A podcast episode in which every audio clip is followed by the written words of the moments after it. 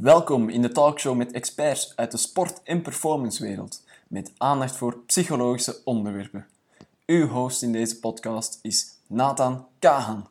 We hebben onze sofa meegenomen op de E313, want ergens tussen Antwerpen en Hasselt in Ham woont er een heus topsportschool koppel, namelijk Inge Leten en Stefan Dex. Inge laat ons nog eventjes wachten voor ze op de sofa wil komen, maar Stefan was onmiddellijk bereid om zijn verhaal bij ons te komen doen.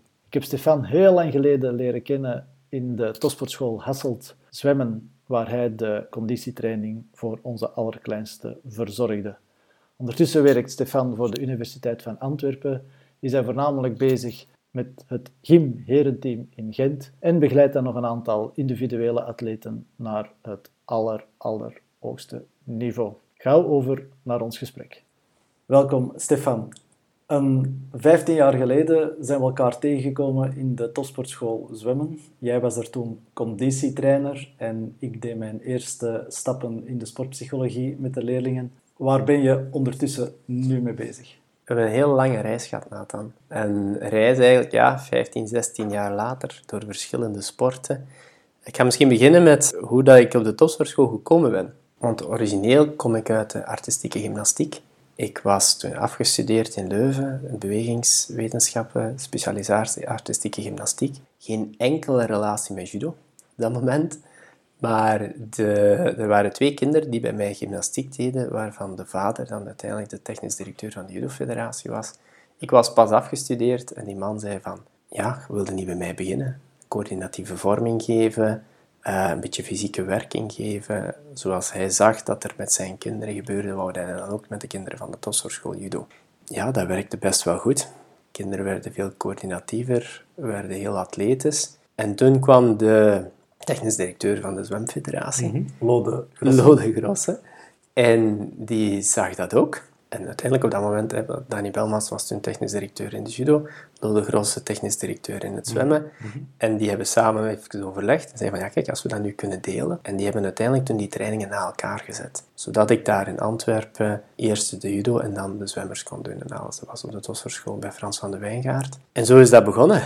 Ja, wist ik wat fysieke training was, want ik deed Gymnastiek, oké, okay, als gymnastiek doe je sowieso wel heel veel coördinatieve zaken, maar ik had nog nooit geen fitness gezien. Nog nooit geen, geen toestellen gezien. Er was op dat moment relatief weinig materiaal.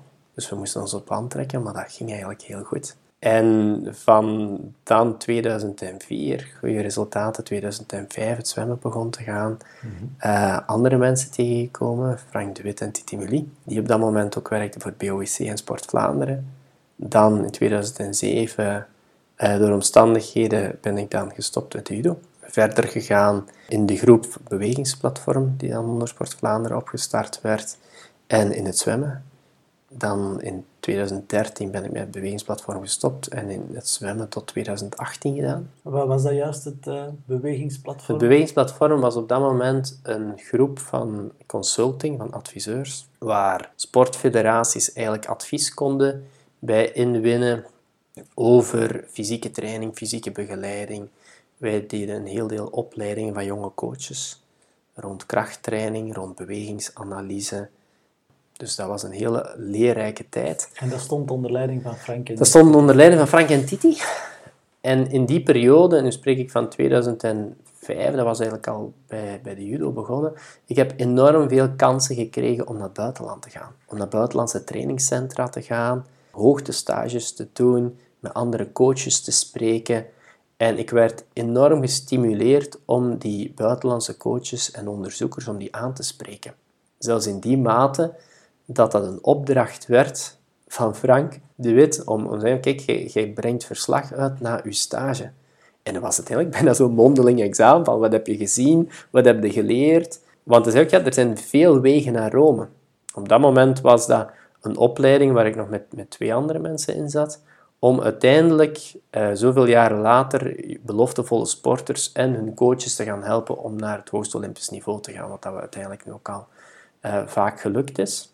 Dus dat maakt dat je niet één perspectief ziet, maar uiteindelijk heel veel denkwijzen mee communiceert en ziet van, oké, wow, die andere landen zijn zo succesvol. De Spanjaarden, de Fransen, de Turken, de Russen.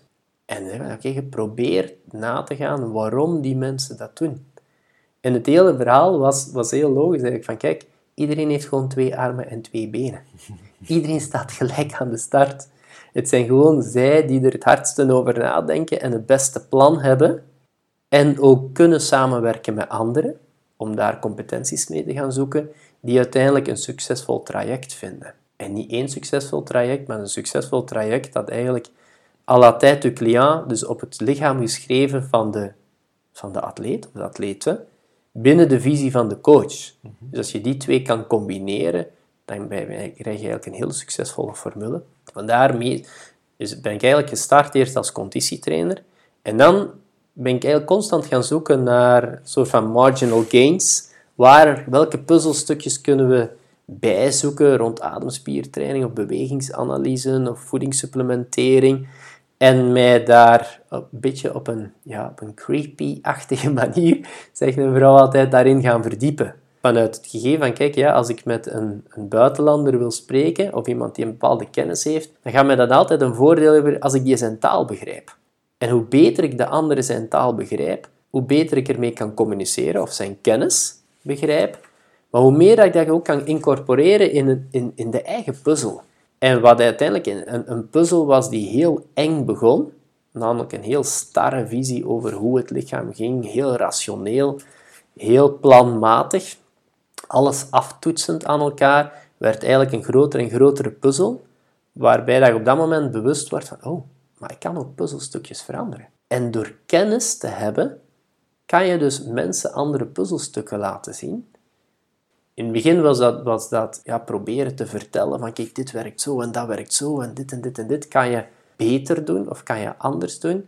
En bij sommige coaches en bij sommige atleten ging dat van een leien dakje. En bij sommige mensen lukte dat totaal niet. Dat bracht een soort van conflict situaties mee. Of ik had het gevoel dat ik het niet goed uitlegde. Of ik had het gevoel van dat ik, dat is mij dikwijls gezegd, te veel informatie in één keer, dat ik de mensen overstelpte. Ja, en dan ben ik onder andere een zekere Nathan Kahan tegengekomen. en gedurende die 15 jaar, Nathan, hebben wij lange uren gesprekken gedaan. Op de meest onmogelijke momenten van de dag, op de meest onmogelijke plaatsen. Ja. Gaande van s morgens vroeg tot s avonds laat een telefoontje van ja Nathan, ik heb een vraag. Ik wil even iets bespreken. Of wat denk jij daarvan? Of ja, op mijn eigenlijke manier. Nathan, vraag 1. Nu 2, nu 3, nu 4. Tada Nathan, nu weet ik het. Ja, dat heeft mij een soort van reflectie gegeven. Een soort spiegel. Ik herinner mij in het begin altijd dat, dat uw antwoord was... Ja, Stefan, wat denkt u daar nu zelf van? Oh man, ik kon door de grond zakken. Daar is hem weer met zijn antwoord. Ja, ik dacht, ja, wat zit ik hier nu eigenlijk doen? Want ik doe gewoon een monoloog. En elke vijf minuten zegt iemand, wat denkt u naar zelf van? En dan ga ik terug vijf minuten babbelen. Maar dat heeft mij eigenlijk wel gesterkt in twee dingen. Namelijk dat ik ja, voor bepaalde zaken tot de absolute essentie, ik wou die dingen kennen, nog altijd. Ik wil de dingen echt tot in, tot in detail kunnen begrijpen. En anderzijds ook durven een andere bril opzetten. soms wordt er nu gezegd van ja, Stefan, je bent een chameleon. Je babbelt met andere mensen telkens op een andere manier. En ik ben mij best wel veel gaan verdiepen in die MBTI-profielen. Uiteindelijk uit die 16 persoonlijkheden, waarbij dat we heel veel, wat ik heel veel kan zien van oké, hoe denken die mensen? Hoe spreken die mensen? En, en ik besef van mezelf dat, dat dat aangeleerd is. Dat sommige mensen doen dat misschien vanuit een empathisch vermogen en die voelen dat aan, maar bij mij is dat echt gestudeerd. Ik merk dat als, als ik heel veel de andere persoon, hoe beter dat ik die ken, en hoe beter dat ik daar een profiel kan opplakken, dat ik daar zo'n soort van positief traject kan uithalen, een positieve flow. Maar ja, oké, goed, die persoon die communiceert graag op die manier, die denkt op die manier. Dus als ik met hem of met haar iets wil bereiken, dan ga ik mijn kennis op zijn manier of haar manier moeten aanbrengen. En bij sommigen is dat, ik ben een heel extravert persoon. Ik babbel heel graag. Uh, jij Nathan juist omgekeerd, dus daarom yin en yang. Juist, ja. Maar voor mij is het een, was het een enorme opdracht om te, te leren zwijgen. in een gesprek. Om mensen de tijd te geven om uiteindelijk de load aan info om die te verwerken. Dat was voor mij een enorm werkpunt. Ene keer als ik daarin geslaagd ben, dan zie ik dat dat positieve resultaten geeft. In het begin was ik iemand die, ja, ik reageer heel snel. Ik heb van mezelf het gevoel dat ik redelijk snel kan denken en snel kan reageren. En ik dacht altijd dat iedereen op die manier wilde communiceren. Je hebt mij een paar keren vroeger gezegd, ja Stefan, geef me even tijd om erover na te denken. In het begin voelde ik dat echt, mij daar niet goed bij. Ik zei, ja, kan je Nathan nu niet reageren? Of het dat nu? Of doe ik hier iets verkeerd? Of interesseert het hem niet? En nu weet ik, ja, maar nee.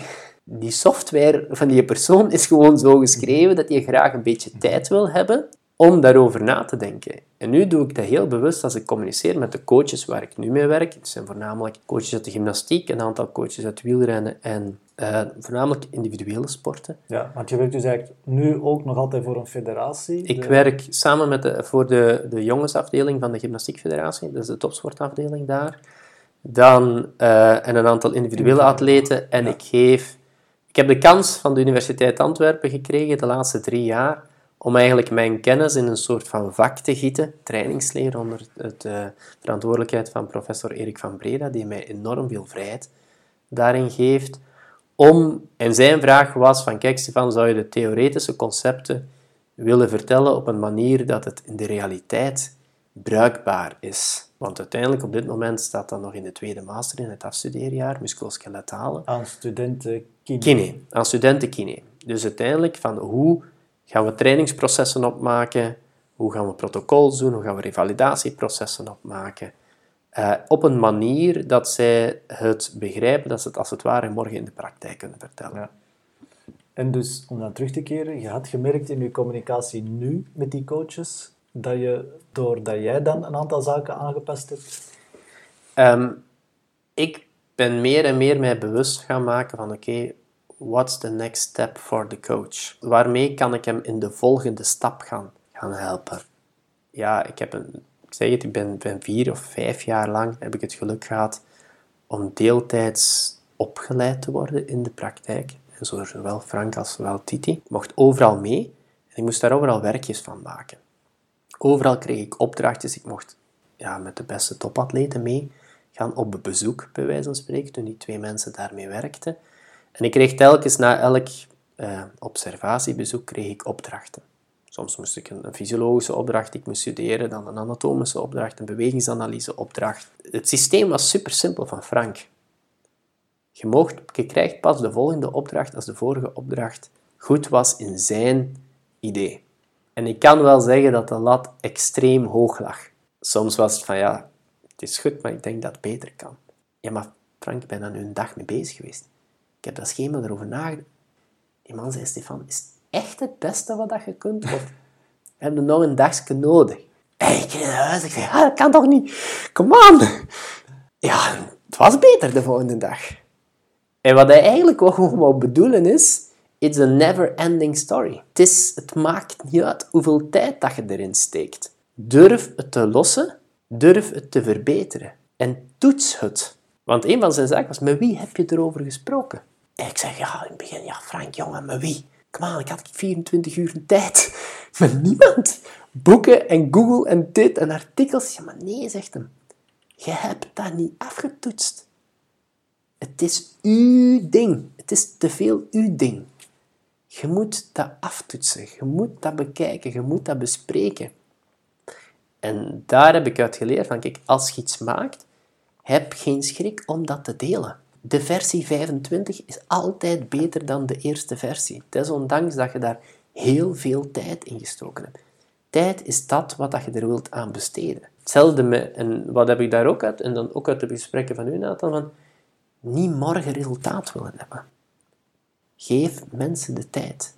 En probeer telkens in te schatten, waar kan ik die coach, waar kan ik die atleet mee naar de volgende stap doen ja, er is echt een groot verschil tussen sport als recreatieve, misschien ook competitieve vaardigheid en topsport. Mondiaal topsport is ja, toppen en dalen, bergen en dalen en er, er altijd zijn. Voor die mensen. En zorgen dat je in hun proces one step ahead, ene stap voor, zodat je een topsportcoach en je topsportatleet voelt van je mens heeft daarover nagedacht. Je mens is daarmee bezig geweest. Of dat dan nu een atleet helpen is om een werelduurrecord te maken, of een medaille op de Olympische Spelen, of een, een, een prestatie die nog nooit niemand gedaan heeft. De beste Belg ooit, de jongste Belg ooit. We hebben alles gedaan. Je weet het, we hebben al die, die atleten, atleten begeleid. Of het, zoals deze week is, een atleet scheurt zijn Achillespees, hem gaan halen op zijn kot. Er zijn voor de atleet ook op de momenten en voor de coach. Hè, want je weet ook, de topsportcoaches zijn heel, daar komt heel veel stress bij kijken. Gewoon zorgen dat je er bent voor die mensen. En dat is, volgens mij kan je dat alleen maar als je de mens kent. Als je durft tijd nemen om, om, om bijna te studeren met wie, met wie ben ik hier aan het werken. Ja, en, en dat maakt, ik zeg dat tegen de studenten ook, je moet je skills kennen. Je hebt je kennis nodig. Je moet je anatomie kennen, je fysiologie, je basisbiomechanica. Maar dat is niet het einde. Dat is dat wat de klant, de sporter, de patiënt, de coach van u verwacht. Dat zijn de tools in uw rugzak. En dan begint het om te kiezen wanneer pak ik welke tool uit. En dat maakt voor mij dat, dat de coach heeft een plan met zijn atleet. De coach kent de sport. De atleet, waarmee ik de kans gehad heb de laatste 15 jaar te werken, heeft meer dan gemiddeld talent. Soms veel meer, maar allemaal de laatste 15 jaar als een meer dan gemiddeld talent. Uiteindelijk ben ik in de club gestopt in 2006 en vanaf dan is het eigenlijk alleen maar in een, in een professionele of semi-professionele setting geweest. Dus het is niet dat ik de kinderen en de jongeren en de atleten koos, ze werden eigenlijk samen met de coaches voorgesteld. Dus ze hadden meer dan gemiddeld talent. En dan maakt het uit van, oké, goed, hoe kunnen we dan trajecten neerschrijven die, die een atleet naar de volgende stap doen? En dat is mijn, mijn, mijn opleiding en in het begin van de jaren dat ik, dat ik werkte, telkens gezegd van, dat wat ik vandaag doe, is om dat van morgen mogelijk te maken. We doen niet zomaar iets. En dat van morgen dient om dat van overmorgen mogelijk te maken, want anders zouden we het niet kunnen. Dus voorwaarden invullend werken. En in het begin was dat zuiver naar het fysieke. En ja, dan dacht ik al, hé, waar loopt die psycholoog daar nu weer rond? Jong, come on. Logischerwijs, je hebt een beperkt aantal contacturen met een atleet en het centrum is de yin en yang van atleet versus coach. En het omkaderend personeel, het beste omkaderend personeel, is zij die het hoogste rendement kunnen halen uit de minste tijd. Dus uiteindelijk in de resterende energie die de atleet en de coach hebben, daar werkt het omkaderend personeel mee. Heel cru gezegd, het is altijd een beetje fight om die resterende energie te doen. Dus ik dacht in het begin, come on, hij heeft een klacht, hij heeft pijn, of techniek, of hij mist kracht, of en ik wil die mens daar een babbeltje mee slagen in dat uur. Zeg binnenkort, binnen een uur is hij weer te moe. En dan gaat dat er weer niet in. Of dan zegt die psycholoog, ik moet weg. En het is door, door, door heel veel met u te spreken en eigenlijk door heel veel trial and error, ja, de ketting is zo sterk als de zwakste schakel. Ik mag nog de meest atletische atleet begeleiden of daar programma's voor schrijven, als hij faalangst heeft op het moment dat het moet gebeuren, dan valt mijn resultaat in het niets. Dus het in kaart brengen van de totale puzzel, ik noem dat tegenwoordig meer en meer de prestatiecirkel, dus de inventarisatie van al die puzzelstukjes en daarmee, ik zeg soms, ik sta rug tegen rug met de coach. We are in the battlefield, zeg ik tegen de coach. Coach is always running ahead and I'm protecting his back. Dus ik kijk altijd achteruit.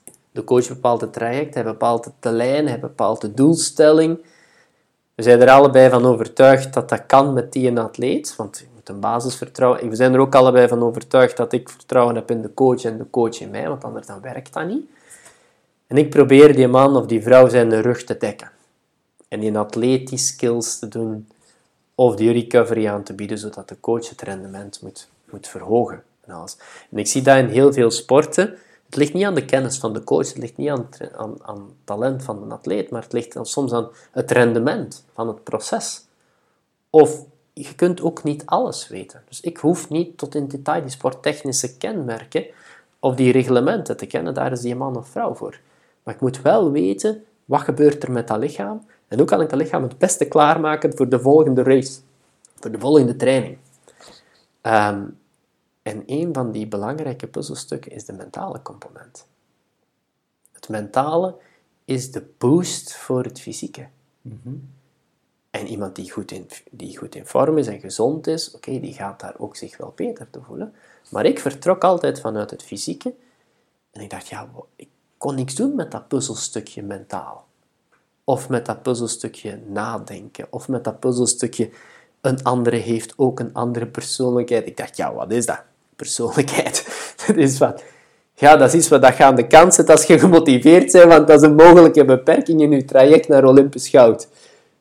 Ja, die fases hebben we allemaal doormaakt. Van ja, wat is motivatie? Motivatie. Ik, ik heb nooit mijn vader zei, als jij wil gaan sporten, daar ligt uw regenpak en daar is uw fiets. Dus vraag mij niet om u naar uw sportteam te doen, op dat moment gymnastiek, want je hebt een fiets, je kunt fietsen en je hebt een regenpak. Zijn dan andere mensen die daar aankomen, andere kinderen die met de auto gebracht werden? En ik zei, ja, nee. Hij zei, ja, daar is uw fiets.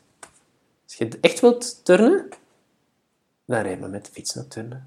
Ze hebben me natuurlijk wel een beetje gebracht en ze hebben mij enorm gesteund. Maar dat is altijd van thuis uit van, als jij iets wil bereiken, wij gaan doen wat dat we kunnen doen, maar jij moet het doen. Jij moet die volgende stap zetten. Dus in het begin, ik wist niet wat niet gemotiveerd zijn was. Ik heb me daar zelf nooit geen vragen over gesteld. Er bestond ook niet iets wat moeilijk was. Het was gewoon iets wat je meer moest oefenen. Tot op een bepaald moment dat er zelf in, in, in de actieve sport, dat ik van bepaalde dingen schrik begon te krijgen. In gymnastiek gebeurt dat wel meer, dat dat een stopper in het proces is. En ik dacht van, wow, shit. Al die trainingen, al die inspanningen, en opeens durf ik iets niet. En je geraakt daar niet door. Als jij, stel dat je geen dubbel salto of gelijk wat kunt van gymnastiek, het zit vast. En dan merk je ook dat bij andere mensen ook in stresssituaties blokkeren gewoon van, oh, die kan niet meer lopen, oh, die kan niet meer fietsen, oh, die begint na te denken of hun routines vallen opeens allemaal weg. Vandaar dat, dat, dat mijn diepste overtuiging nu is van, je hebt een multidisciplinaire werking nodig. En dat zijn geen mensen die parallel naast elkaar. Het is niet een voedingsdiëtist die dat zijn job doet, een dokter die zijn job doet. En dit, nee, het zijn mensen die communiceren. Met, in dit geval met de gymnastiektrainers, daar werk ik het meest intens mee samen. Wij horen elkaar elke dag. Elke morgen is het de babbel over de dag ervoor in de auto al. Ik zit soms vijf uur per dag in de wagen. Is dat, hoe was het gisteren? Die en dat, die en dat, die en dat, die en dat, die en dat. Ik ben enorm bezorgd over hoe voelt je sporter zich? Hoe voelt je coach zich? In welke omgeving moeten die mensen werken? Kan ik die omgeving optimaliseren? En wat was de beste manier? De, de, de, kan, de manier voor mij is de beste manier de, manier met de grootste kans op succes. Je weet dat nooit van tevoren. Maar de beste manier is die die een resultaat geboekt hebben. En in topsport is dat heel zwart-wit. Het is nul of het is één. En meestal is het nul. Er is niet iets half. Je kunt niet half de wedstrijd winnen. Je kunt niet half een record breken. Je breekt het wel of je breekt het niet. Vandaar dat heel binair denken. Ja, in die psychologie is dat niet. Dat is niet. Het is dikwijls grijs. En dat heb ik moeten leren aanvaarden van dat je ook mooi grijs kunt hebben. Dat, dat ieder zijn grijs heeft. En als ik, hoe meer dat ik dat heb leren appreciëren, Grijs in combinatie met super gemotiveerd, want dat is voor mij altijd, dat is de omgeving waar ik de laatste twintig jaar al, altijd in geleefd en gewerkt heb, is ik heb altijd de kans gehad om in een omgeving te werken waar zowel op de administratie als in de sporttechnische cellen, dat mensen het gezamenlijke kenmerk hebben van intense motivatie, zelfs gigantische passie daartussen. Maar ik heb stage gedaan, zoals iedereen in bewegingsonderwijs, in een gewone school. En dat, ik ga dat nooit vergeten. Nathan. Daar lagen vijf matjes op een rij. Nee, op een stapel. En ze hadden aan mij gevraagd, wil je gymnastiekles? Ik zeg, ja, gymnastiekles, wat moet ik geven? Een paar eenvoudige bewegingen. En daar stonden leerlingen, middelbare school, en die bleven gewoon babbelen. Ik zeg, kijk, nu gaan we dat allemaal doen. En die legden vier matjes. En die gingen verder babbelen en dat vijfde matje lag daar. En ik ben thuisgekomen van mijn stage. Ik had mijn diploma zelfs nog niet. Ik heb tegen mijn moeder gezegd, nooit, nooit ga ik werken in een omgeving waar mensen niet gemotiveerd zijn om dat te doen waar die omgeving zich toe leent. In dit geval was dat LO op een school en bewegen. Dus ik heb altijd naar omgevingen gezocht waar mensen passie hebben. En ik ben altijd gaan lopen of gestopt als mens, als ik voelde dat die omgeving niet gepassioneerd was met dat wat ze bezig waren en hun werk als werk zagen. Ik heb eigenlijk nooit het gevoel gehad dat ik heb moeten werken tot dusver. Ik moet lang mijzelf verplaatsen naar dat waar dat ik mijn huis mee kan afbetalen en mijn kinderen kan eten en kleren geven, maar dat is niet mijn werk. De paar keren dat ik dat gevoeld heb, de laatste 15 jaar, ja, dan, dan voelt mijn, mijn motivatie, of toch liever mijn, mijn drive, wegsmelten als sneeuw voor de zon. En zeg ik, ja nee, mijn sterk punt is mensen meepakken in een verhaal en dat proberen te onderbouwen met kennis. Maar als ik niet meer de driver ben, niet meer de motor ben, niet meer degene die zegt, jongens, kom, kom, we gaan dat doen. Ja, dan is mijn kracht weg. Mhm. Ik denk dat dat mijn kracht is, mensen meepakken in een verhaal. Op een inderdaad zeer enthousiaste manier. Ik ga proberen er toch een vraag tussen te gooien. Je praat over een, uh, een prestatiecirkel waar je nu meer en meer uh, naartoe aan het gaan zijn. Ik denk dat je daar toch wel een bepaalde visie bij hebt, hoe, hoe dat je die prestatiecirkel, hoe dat je ertoe gekomen bent, of hoe dat die eruit ziet, of uh, Ja. hoe dat juist is. Kan je daar iets over vertellen? Ja. Ik was verantwoordelijk bij Sport Vlaanderen voor de opleiding van planning en periodiseren. Namelijk, wanneer doe ik wat, waarom? En wat kan mij daar dan bij helpen en welke processen kunnen ondersteunen? En ik ben daar eigenlijk met de, met de lijf ondervonden van hoe belangrijk het is dat er een synergie, een afstemming is tussen die verschillende deelaspecten. Namelijk, als je weet wanneer je intensieve krachttraining doet en je kan die krachttraining voorbereiden door een betere voeding die middag en je kan die achteraf het rendement, dat herstel versnellen door een beter herstel en door een betere voeding en door te kijken van, oh, met de dokter is die bloedanalyse wel goed. Dus op die manier is dat een anticiperend, geïntegreerd afstemmen met elkaar. En ik zie elke dag dat er specialisten zijn van alle domeinen, maar die denken heel veel in hokjes. En als iedereen het hokje wel goed doet, dan zal de puzzel wel aaneen plakken. Maar dat is niet. De puzzel is niet met vierkantjes gemaakt. De puzzel heeft hele rare vormen en die vallen in elkaar. En dat in elkaar zijn is communicatie. En communiceren is een taal. En als je dezelfde taal hebt, of als je elkaar, dan gaat de intensiteit en dan gaat het niveau naar boven van dat gesprek. Dan is het meer dan en is het goed bij u. Maar dan kan je daar inhoudelijke vragen over stellen. En er zijn mensen die dat dus appreciëren. Dat je over hun domein, zoals wij dikwijls ook, nou, dan zit dat van psychologie of dit, dat. Sommige mensen vinden dat heel bedreigend. Ja, maar je komt op mijn terrein. Of je komt dit. Dat is helemaal niet de bedoeling. Het is de bedoeling om dingen te leren, om op die manier dan intensere vragen te stellen, complexere vragen te stellen, om samen over dingen na te denken. En de visie die dat je dan hebt eigenlijk in je cirkel is dan dat je probeert alles op elkaar af te Ja. stemmen in Ja. functie van de performance. Ja, in functie van wat de coach met die atleet wil. Ik stel me zo op dat ik met iedereen communiceer en een basisnotie, of van sommige dingen meer dan een basisnotie heb, om dingen te kunnen afstemmen. Ah ja, kijk, maar wat voor supplementering hebben we? Oké, hoe, hoe, hoe zit het mentale van die atleet? Want als een atleet het mentaal moeilijk heeft, dan moet ik niet het zwaarste programma gaan maken. Want dan moet daar ruimte zijn voor mentale rust. Ik heb met de, met, met de verantwoordelijke van Sport Vlaanderen van studies goede gesprekken gehad de laatste jaren van oké, wat is de impact van studeren? Wat is de vermoeidheid van studeren? Wat is de, de mentale beschikbaarheid dan nog? En hoe kun je win-win situaties creëren, zodat mensen gaan, gaan samen nadenken en soms ook wel durven zeggen, ja, maar Jeff, dat wat dat jij voorstelt, dat klopt niet met dat van de Piet. En als Anke dat voorstelt, ja, dan gaat dat een beetje tegenwerken met wat dat de kine doet, of wat de dokter doet, of wat dat de coach wil. En dan kom je in een groep van mensen die het appreciëren als anderen hun ook proberen beter te maken. Van, het is al goed wat je doet als psycholoog, of het is al goed wat je doet, maar ik denk dat als we het afstemmen op elkaar, en als we dat aanvaarden, dat dat niet op elkaars erf is en elkaar zitten te bekritiseren, maar effectief zeggen van, oh ja, inderdaad, als we dat samen overleggen en als we dat aftoetsen, maar dan moet daar een centrumman zijn. En wat valt mij op? Dat die centrumman, als je dat aan de coach overlaat, dat dat hem heel veel energie kost in grote systemen.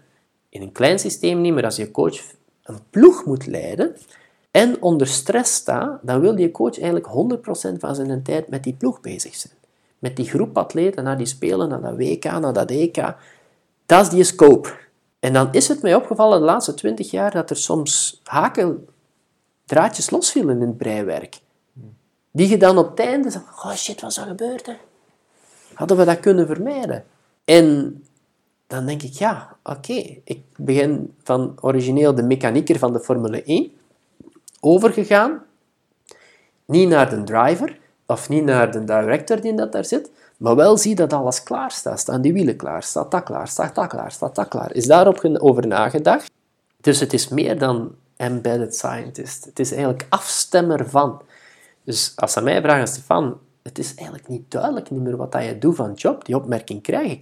Ik zeg ja, ik zeg ik ben de olie in de motor. Wat is nu de functie van de olie in de motor? Die is nergens, want je ziet dat nooit. Hij is overal. Want iedereen zegt, ja, maar ik heb met hem gesproken of dit, dat. En niemand kan exact zeggen wat. Maar iedereen weet dat je ook een auto kunt laten rijden zonder olie. Maar niet lang. En niet hard. En dan valt hem stil. En dan is het ook echt kapot. Dus ik heb geconstateerd de laatste jaren, in elk succesvol systeem is er een man die een olie is. Een manusje van alles, dat daarom niet alles invult, maar wel probeert eigenlijk de touwtjes bij elkaar te houden, zodat het traject dat de coach, de topsportcoach met zijn atleet, dat dat zo vloeiend mogelijk kan gebeuren. En alles. Op welke realisatie ben je het meest trots? Uh, zijn er een aantal. Ik heb de kans gehad om samen met Kurt Lobbestaal, Victor Kampenaars, van heel jong, te mogen uh, helpen en te ondersteunen. En Victor is iemand die misschien naar de buitenwereld toe zo wat, wat speels en wat dit en dat maar is. Hij is enorm veel eisend voor zichzelf. Hij werkt enorm planmatig. Hij zoekt heel veel kennis op. En hij is een enorme trigger. Hij daagt zijn omgeving, zijn begeleiders, extreem uit. Ga zoeken, op zoek, what's next, what's next, what's next. Ja, het zwemmen was dat wereldrecord. Een ander gegeven is uh, in gymnastiek. We hebben Noah Cuavita, de eerste Vlaming die een nieuw element maakt. Zoals Nina er een heeft, heeft in de gymnastiek Noah Cuavita nu een eigen element, staat in de boek. Of de jongste Belg in de Olympische ploeg, Louis Kroen in 2012, 18 jaar. Jongste Belg die op dat moment 2016 hebben we dat nog eens een keer herhaald met Basten Kaarts. Of 2001, al toen studeerde ik nog, met Katrien Sanne, een nieuw element maken in ritmische gymnastiek. Of uiteindelijk is het allemaal niet, niet begonnen met die atleten. Is, ik heb de kans gehad van Danny Belmans om met, op dat moment, ik ken haar helemaal niet, Ilse Heijlen. Ik was de eerste atleet waar eigenlijk alle programma's voor uitschreef, rond de judo. En binnen het jaar werd hij derde op de Olympische Spelen in Athene. Die was ouder dan ik. Dus ik was op dat moment de coach die alle fysieke programma's uitschreef. En de atleten waren ouder dan ik. Ja, en, en van dan is dat beginnen rollen. En dan is dat ja, vijf, zes Olympische cycli, minimum top 8. Minimaal. En in het begin dacht ik, ja, we hebben hier een succesformule. Hè?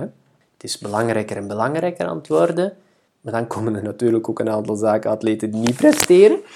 Waar je dan zegt van, oh shit, hoe komt dat nu? Wat hebben we nu laten vallen? Vandaar die puzzelverhaal, vandaar dat multidisciplinaire, vandaar van, ah ja, die zijn persoonlijkheid is toch wel het, niet hetzelfde als die zijn persoonlijkheid.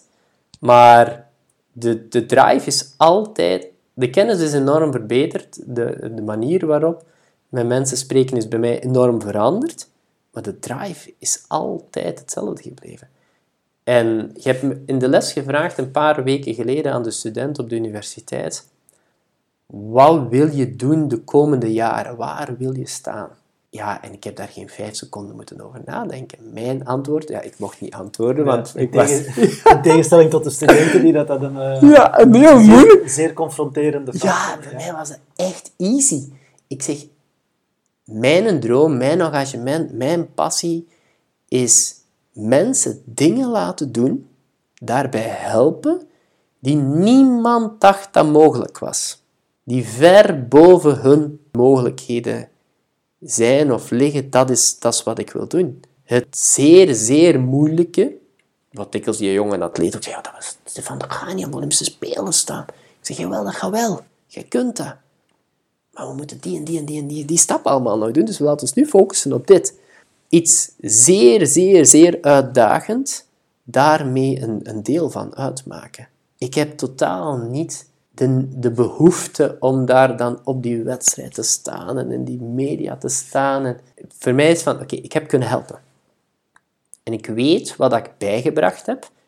Ik weet nog van Ilse Heille 2004 was, ze stuurde een kaartje achteraf. Er stond maar één ding op. Niet zonder u. En dat vond ik zo tof. Meer mensen niet nodig. Je moet niet 120 keer op sportza staan en dit, dat. Dat was hetzelfde bij, bij, bij Victor ook. Van gewoon bericht van, we hebben het gedaan. Dat geeft de max, hè. Je hebt een man op de maan gezet. Dat is een wereldrecord. En als die man dan over zijn schouder kijkt en zegt, maat, we hebben dat hier samen gedaan. Met een die en een die en een die. Er was, was honderd man bij wijze van spreken die daar rondgingen. Van die ploeg, van die trainers, van de familie. Om dan te zeggen, oké, ik was van die familie, ik was daar een deel van. En iedereen weet wie wat gedaan heeft, en dat is voor mij genoeg. Dat is dat puzzelstukje kunnen bijleggen. Ik heb vandaag nog tegen een coach gezegd van, kijk, we hebben één slogan. Ook als het moeilijk is, we hebben één slogan en dat is positief. We gaan alles positief bekijken. Het glas is nooit niet leeg, niet half leeg. Het is positief zeg, want elk probleem heeft een oplossing. Zelfs een groot probleem, zelfs als je het niet ziet, dan is er een oplossing. We moeten gewoon zoeken naar de oplossing. En die oplossing is voor mij, het startpunt is altijd hetzelfde. De mens die tegenover mij staat, dat is het startpunt. En is dat, is, die voelt hij zich heel goed in zijn vel, ja, dan moet ik dan niks doen. Dan sta ik daarachter en zeg, kijk goed, wow, my job is done. Hop, het draait, hij is gezond, hij is fysiek, hij presteert. En is het minder goed? Ja, dan moeten we dat doen wat er op dat moment nodig is. You have to do what you have to do. En soms kan dat babbelen zijn. Regelmatig de laatste paar jaar ik zeg, ja, we gaan de beste krachttraining doen die je maar kunt doen nu. En dan kijkt je atleet zo naar mij zo. Ik zeg, en dat is geen krachttraining. Dat is de beste. Want vandaag gaan we babbelen. Ja. Want ik zie dat je er eens mee zit. Dat had ik nooit gedaan twintig jaar geleden, want toen was ik super kwaad als het programma niet gedaan werd. Ja. ja. Je geeft u zelf de term uh, performance enhancement voor, voor die job. Op weg naar, naar dus die performance ben je volgens mij degene, de Vlaming, die dat bijvoorbeeld uh, het beste weet hoe dan een complex er van binnenuit ziet. Uh, je, bent, je, bent, je bent een expert over uh, ademhalingstraining. Ik, weet, ik denk qua supplementen moeten ze al met een heel straf woord afkomen of dat je het niet zou kennen en, en in welke dosis dat je het kan slikken. Um, je gaat inderdaad heel ver in die, in die zaken allemaal. En waarschijnlijk vergeet ik er nu nog een paar uh, die dat er ondertussen zijn bijgekomen. Hoe is Stefan Dix geworden zodat hij zo geworden is? Ik ga terug naar de kern van de zaak, is mij. En door mijn mentor Frank de Wit altijd gezegd, absoluut nulpunt. Waarom gebeurt dat? Waarom, waarom, waarom? Als ik met een product werk, stel dat ik met de iPhone moest werken, dan is het mij geleerd, ga dan naar de ontwikkelaar van de iPhone. Hij zal u het meeste info kunnen geven over hoe de iPhone werkt. Dus ik communiceer alleen maar met de mensen die die producten maken. Dus uiteindelijk zit dat in een loopsysteem. Je hebt een ontwikkelaar, je hebt een bedrijf, dat komt op de markt, dat heeft een soort van verkoper, en dat komt dan meestal bij de klant. En ik slaag heel die keten over. Ik communiceer met de biochemicus die de supplementen maakt, zodat ik ze kan moduleren. Dat ik een feedback kan geven. Dus ik ben de closed loop. Bij Compex is dat wie heeft die softwareprogramma's geschreven? Waarom aan die frequenties? Bij de ademhalingstherapie, welke professor heeft die onderzoeken gedaan? En op een of andere manier lukt mij dat ook om daar persoonlijke relaties mee. Dus ik ken die mensen die die dingen gemaakt hebben. Ik weet waarom ze het gemaakt hebben. Ik weet vooral ook waarom ze het niet gemaakt hebben. Vaak werkt iets niet omdat er iets mee gedaan is waarvoor het niet gemaakt is. En dan kom ik terug naar de opleiding met de basiskills. Oké, dat is het vertrekpunt. En dan moet je gaan babbelen met die mensen. Waarom heb ik nu dat product gemaakt? Of waarom nu die supplementeringsprogressie? Of waarom nu dat krachttoestel op die manier? Of die fiets in die... Ja, dan ga je babbelen met de maker van de fiets. Zo ver gaat dat je gaat terug tot de absolute kern van de zaak. Naar die persoon die daar het meeste van kent omdat het zijn kind is. En dat is altijd mijn, mijn, tak, mijn strategie. Ik probeer altijd naar die persoon te gaan die het antwoord kan geven. En niet naar die persoon te gaan die zegt, ik ga het even navragen. Want ik wil graag dat antwoord op dat moment. Mijn kinderen zeggen altijd, ik weet niet wat mijn papa doet, maar hij belt heel veel. mijn papa belt altijd. mijn mama ook, maar mijn papa zeker. ja, en dat is dat. Dat is op die manier dat ik dat probeer te, te weten te komen. Stefan, je hebt mij onlangs een quote gezegd en ik kan er niet meer op komen, dus help mij eens. Maar ik vond het wel een hele mooie. Als je de lat niet op wereldrecordhoogte legt, kan je geen wereldrecord springen. De, je gaat niet over een hogere lat springen door ze lager te leggen. Ja. Het gaat je niet lukken om hoger te springen als je je, lager, als je, je vereisten lager legt. Je moet durven je doelen hoog stellen en beter het juist niet halen, maar verbeterd zijn, dan het makkelijk te halen en geen progressie geboekt hebben. Iets mislukken is niet erg. Iets niet proberen, dat is erg. En als je met die ingesteld hebt van het is niet erg als het niet lukt. Er is wel een volgende keer. We Ja. gaan er wel uit leren. Heb jij nog een laatste advies dat je onze luisteraars wil meegeven? Ik denk als je gepassioneerd bent met iets, dat, eh, dat het nooit geen opdracht is. Als je met andere mensen wilt samenwerken, zoek gepassioneerde mensen in uw omgeving en het geeft u heel veel positieve energie. Dat was het belangrijkste. Dat is een mooie om mee af te sluiten. Bedankt, Stefan, voor dit gesprek. Graag gedaan, Nathan.